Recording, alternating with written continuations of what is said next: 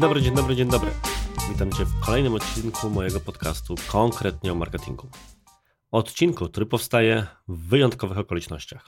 Po pierwsze, nagrywam go o 7.30, tuż przed szkoleniem, właśnie dlatego, że nie byłbym w stanie zrobić tego po prostu kiedykolwiek indziej w tym tygodniu. Po drugie, nagrywam go tuż przed swoim wystąpieniem na InfoShare. Także jeżeli słuchasz tego, a raczej na pewno słuchasz tego już po tym wystąpieniu, to mam nadzieję, że wyszło ono w miarę ciekawie dla słuchaczy. Mówiłem to o, o reklamach na LinkedInie. I myślę, że przynajmniej główne tezy z tego wystąpienia staną się podstawą do jednego z kolejnych odcinków podcastu. Daj proszę znać, czy temat reklamy na LinkedInie jest dla Ciebie interesujący, żebym wiedział, czy warto taki odcinek nagrać. A po trzecie, jestem lekko podchorowany, co być może przebija się przez mikrofon, być może da się to słyszeć w sposobie, w jaki mówię. Więc jeżeli będzie bardziej nosowy głos albo podcast brzmi nieco inaczej, to jak to kiedyś się mówiło, prosimy nie regulować odbiorników. Prowadzący rzeczywiście tak brzmi. I tyle osobistego wstępu i przechodzę do rzeczy, którą to rzeczą w tym konkretnym odcinku są mity na temat reklamy na Facebooku, w które spora część ludzi jeszcze wierzy, a zdecydowanie nie powinna. Zaczynajmy.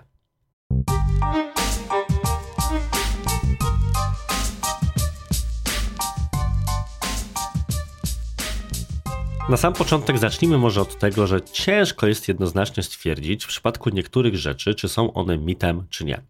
Zawsze staram się prześledzić genezę jakichś rzeczy, które uchodzą za powtarzane prawdy w kontekście reklamy na Facebooku, czy nie tylko. Przykładowo, bardzo wiele osób przez długi czas wierzyło, że planowanie postów ucina zasięgi. Skąd to się wzięło? Prawdopodobnie ktoś zaobserwował jednostkowo tego typu fakt, zaczął publikować podobne rewelacje na przykład na facebookowych grupach, ktoś po nim to powtórzył i tak dalej. Jeszcze inne osoby wierzą na przykład, że promowanie postów, czy w ogóle korzystanie z płatnej reklamy obcina zasięgi organiczne. Coś, w co ja osobiście nie wierzę, chociażby dlatego, że byłoby to bardzo dziwne z punktu widzenia Facebooka, żeby kłaść kłody pod nogi swoim własnym klientom. Natomiast problem z takimi mitami jest następujący. Ciężko je zweryfikować, ponieważ nie ma nigdzie frequently asked questions, w którym ktoś rozmawia z moderatorami czy pracownikami Facebooka na temat tego, czy prawdą jest X, Y, Z.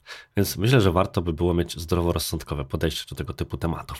Natomiast rzecz polega na tym, że dziś nie będziemy mówili o takich mitach. Będziemy mówili raczej o mitach, które dotyczą tego, jak ustawiać reklamy, czy powiedziałbym, że bardziej o pewnych fałszywych przekonaniach na temat tego, że w reklamie na Facebooku powinno się robić coś w taki, a nie inny sposób, albo takiej, albo innej rzeczy robić się nie powinno.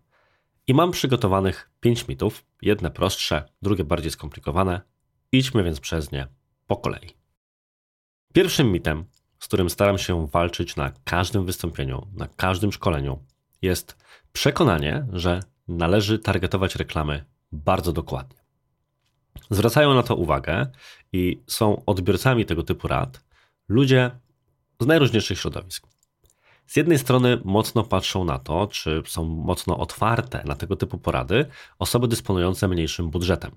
Mówiąc mniejszy, mam tu na myśli kilkaset złotych miesięcznie, może do 1500, 2000, czyli taki mniejszy budżet przeciętnego MŚP w Polsce, zapewne, tak jak mam okazję rozmawiać na konsultacjach czy szkoleniach z różnymi osobami ale z drugiej strony w podobny sposób często chcą podchodzić do swoich reklam reklamodawcy dużo więksi, dysponujący już budżetami idącymi w dziesiątki czy nawet setki tysięcy złotych, wychodząc z założenia, że przecież warto segmentować swoich odbiorców, bowiem dzięki temu uda się na przykład zwiększyć sprzedaż.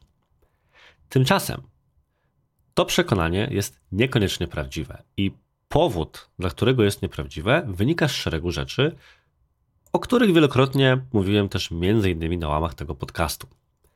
Jednym z takich powodów jest na przykład to, że targetowanie dostępne na Facebooku wbrew pozorom nie jest aż tak dokładne, jak się wydaje.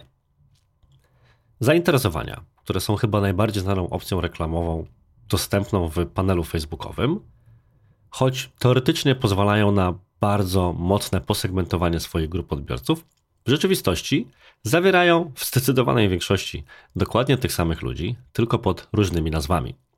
Łatwo jest więc wpaść w przesadną ekscytację, kiedy na przykład zobaczy się, że Facebook pozwala, dajmy na to w kontekście świata software house'ów, osobno kierować reklamy na ludzi zainteresowanych językiem programowania, jakim jest JavaScript i ludzi zainteresowanych językiem programowania C. Nasze założenie będzie bowiem wówczas następujące. Hej, czyli ja mogę aż tak dokładnie stargetować swoich odbiorców, nawet w zależności od tego, jakim językiem programowania się posługują. Tymczasem wystarczy bardzo proste ćwiczenie, w którym łączymy sobie te dwa zbiory w jeden, a potem sprawdzamy, jakie wielkości mają oba zbiory niezależnie od siebie, żeby szybko się przekonać, że ich suma jest zdecydowanie mniejsza niż być powinna, co na podstawie tego, jak duże są niezależnie od siebie. Jeżeli wytłumaczyłem to e, w miarę sensownie, dużo bardziej wolę to rysować na okręgach, gdzieś na slajdach, ale jest to forma ciężka do zrealizowania w podcaście. W każdym razie, to co mogę powiedzieć, to że większość obu tych grup to są dokładnie ci sami ludzie. Ba, nawet jakieś 70%. A są inne grupy, też pozornie aż tak mocno posegmentowane. W świecie konsumenckim na przykład są takie grupy związane z bieganiem. Bieg na 5 km i bieg na 10 km. I znów moglibyśmy spojrzeć, wow, na tym Facebooku to ja mogę nawet biegaczy po typach biegów, w jakich biorą udział, segmentować. A potem się okazuje, że te grupy mają poziom pokrycia nakładania się na siebie, jak to się ładnie w świecie facebookowym mówi, na poziomie 90%. To oznacza właśnie, że nie ma sensu próba szukania takiego bardzo dokładnego targetowania, gdyż po prostu nie jest one możliwe. A z drugiej strony, nawet jeżeli udałoby nam się coś bardzo mocno stargetować, na przykład do poziomu kilku tysięcy odbiorców, to i tak nie będzie dobrze. Po pierwsze, potencjalny zasięg, bo o tym wskaźniku tutaj mówimy, na poziomie kilku tysięcy osób, to nie jest grupa, do której dotrzemy na pewno. Ba, to są użytkownicy, którzy na przykład logują się na Facebooka rzadko, dajmy na to raz w miesiącu. I to wówczas oznacza, że nasza grupa realnie jest w tym momencie kilkakrotnie mniejsza. A to z kolei oznacza, że będzie nam ciężko, regularnie i wystarczająco często wyświetlać się tego typu odbiorcom, żeby ta reklama faktycznie na nich zadziałała albo zadziałała w satysfakcjonującym dla nas czasie, na przykład kilku dni czy ewentualnie tygodni. Do tego im mniejszą grupę docelową będziemy tworzyć, tym będzie drożej. Z uwagi na to, że algorytmowi będzie trudniej znaleźć odbiorców, którzy będą dopasowani właśnie do naszych wysokich wymagań.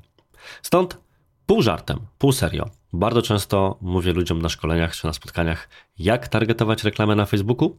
Tak średnio. Naszym celem jest wyznaczyć algorytmowi pewne ramy, a w ramach tych ram, jeżeli można to tak określić, algorytm ma już nam za zadanie pomóc. W końcu w taki sposób reklama na Facebooku działa w swoich założeniach.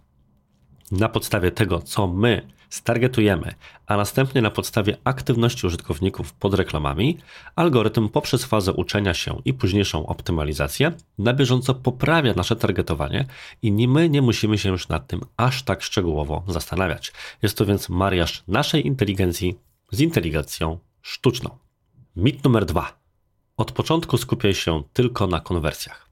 Ten mit jest szczególnie popularny i bardzo często powtarzany, i ponownie jest to rzecz, którą staram się jak najmocniej prostować, a prostuję ją na dwa sposoby, bo wychodzę z, zało- z założenia, że takie założenie z kolei jest błędne z dwóch podstaw. Po pierwsze, rozumiem, że wynika ono z trochę niezrozumienia, a raczej błędnego interpretowania idei celów reklamowych. W sensie rozumiem logikę za tym stojącą.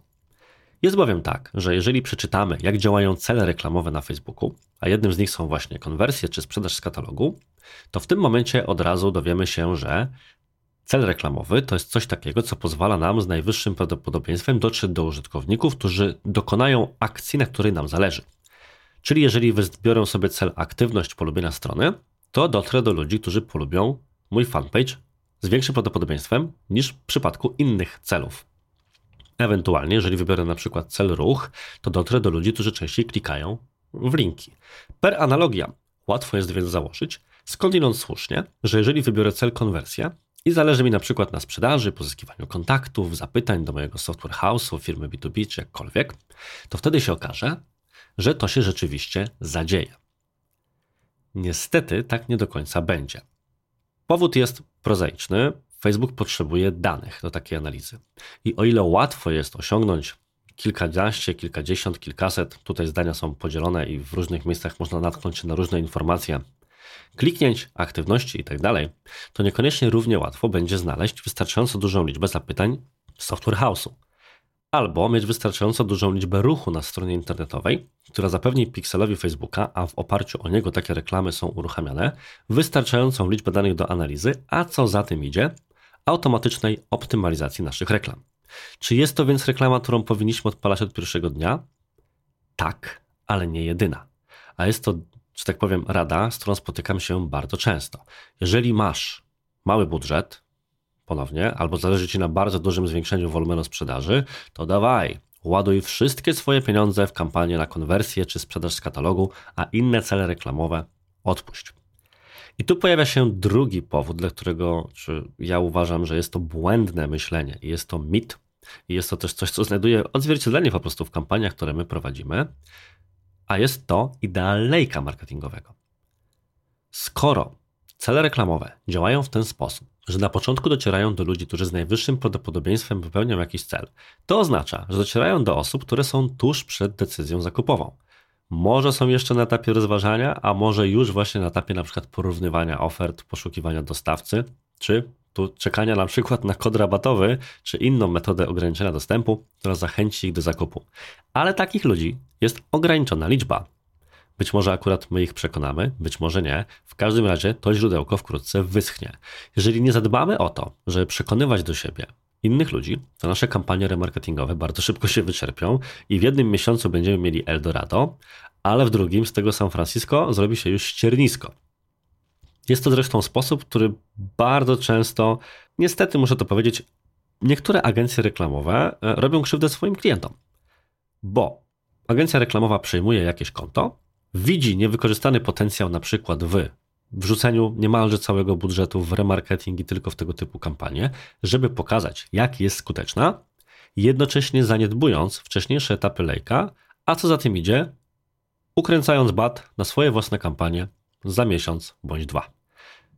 Z tego właśnie też powodu uważam, że mitem jest ta złota rada, powtarzana często w internecie, żeby od początku w kampaniach na Facebooku skupiać się tylko na konwersjach, albo wręcz w wersji ekstremalnej puszczać wyłącznie takie kampanie.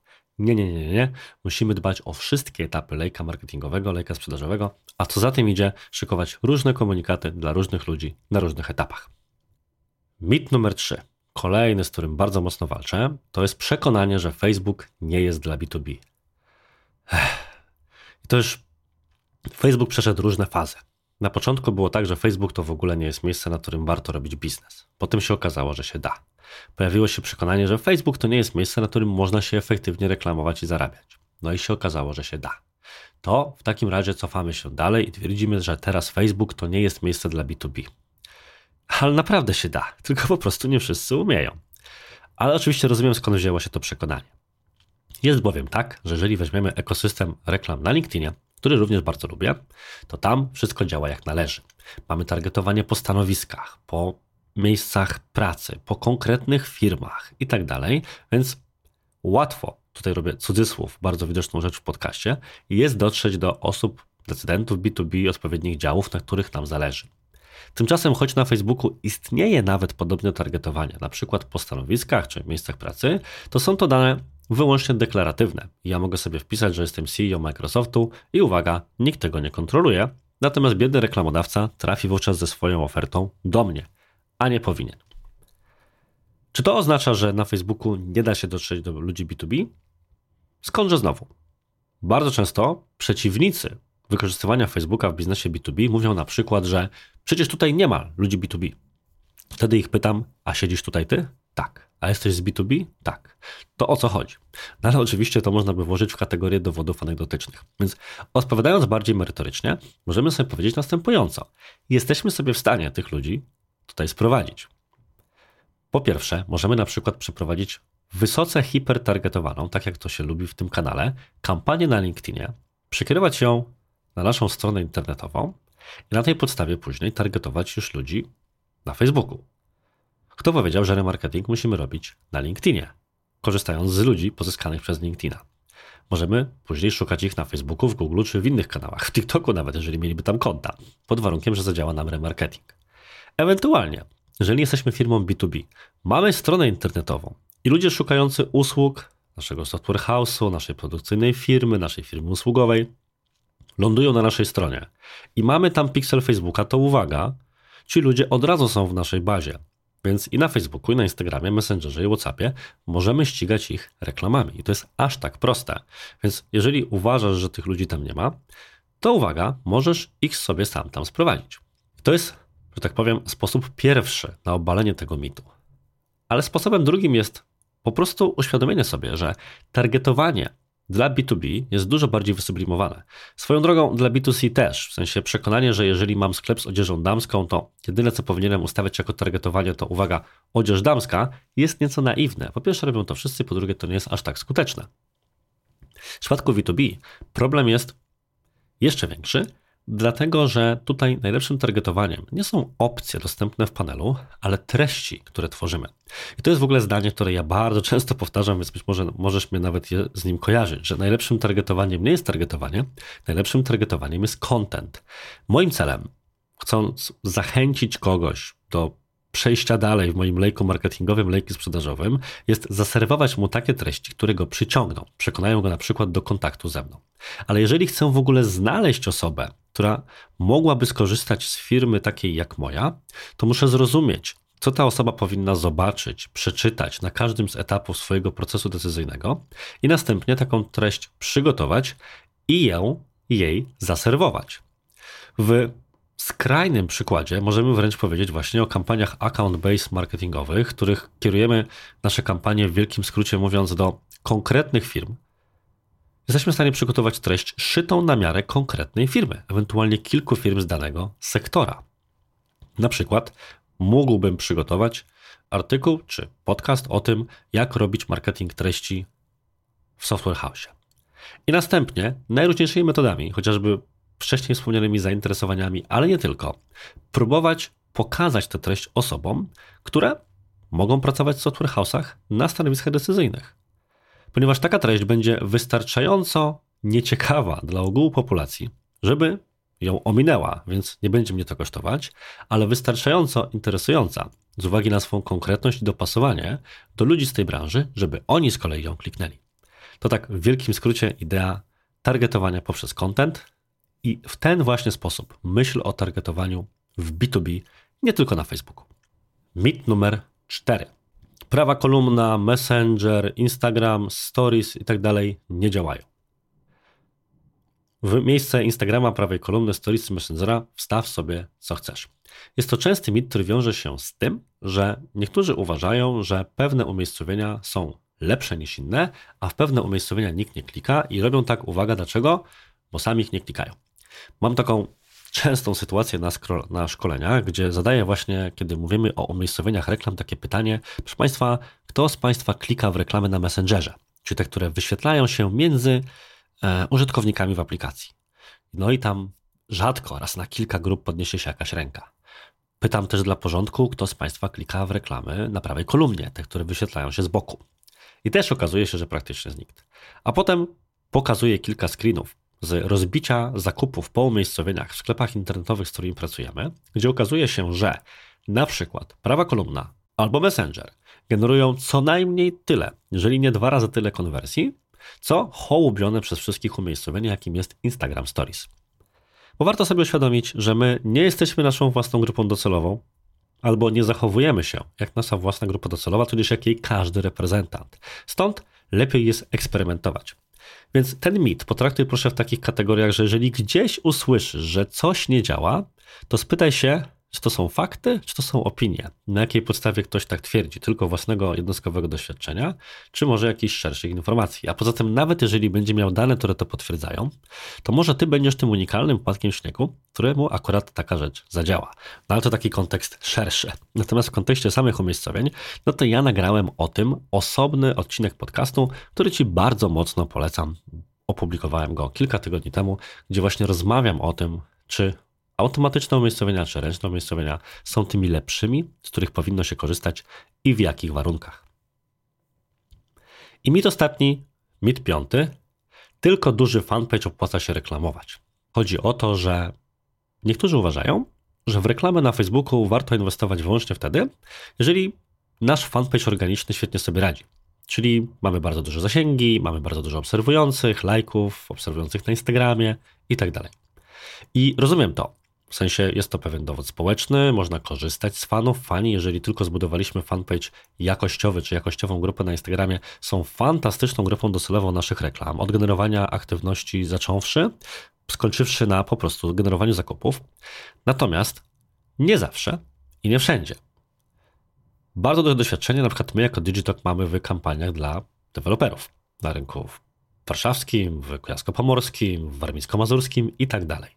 I na przykład nie ma żadnej korelacji, jeżeli chodzi o wyniki reklam, między wielkością fanpage'a, a tym, ile wpada zapytań o mieszkania, albo ile się udaje wygenerować kontaktów do handlowców. Możemy puszczać takie reklamy z fanpage'u, które powstały wczoraj, mają zero fanów i jakieś trzy posty dla zmyłki, że wbiliśmy łopatę pod nowy etap i to wszystko, a i tak będą generowały wyniki, ponieważ te światy generalnie są od siebie nieco niezależne.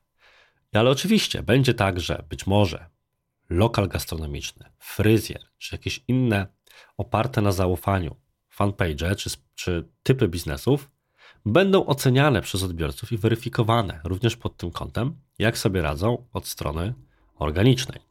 Jeżeli masz sklep internetowy, to na pewno odbiorcy zajrzą na Twój fanpage, zobaczyć, czy działasz, czy odpowiadasz na komentarze, czy nie ma z Tobą jakichś problemów, jakie masz opinie. Zresztą Facebook czy Instagram nie będą jedynym miejscem, w którym prosumenci Cię zweryfikują.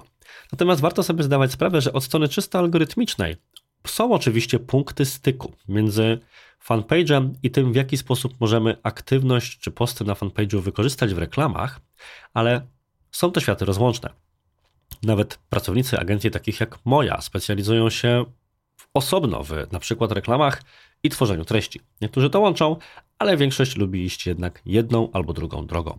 Właśnie dlatego, że można spokojnie radzić sobie, wykorzystując zasoby jedne i drugie, ale generalnie są to od siebie światy niezależne. Więc nawet jeżeli twój fanpage jest jeszcze młody, nieopierzony, jeżeli tak można byłoby to powiedzieć, czy nieolajkowany, o, to byłoby chyba lepsze w tym kontekście, tudzież niedoobserwowany, to spokojnie możesz już startować z reklamami, już próbować sprzedawać i działać, żeby poprawić te wyniki, zarówno od strony aktywności, jak i po prostu wzrostu swojego biznesu.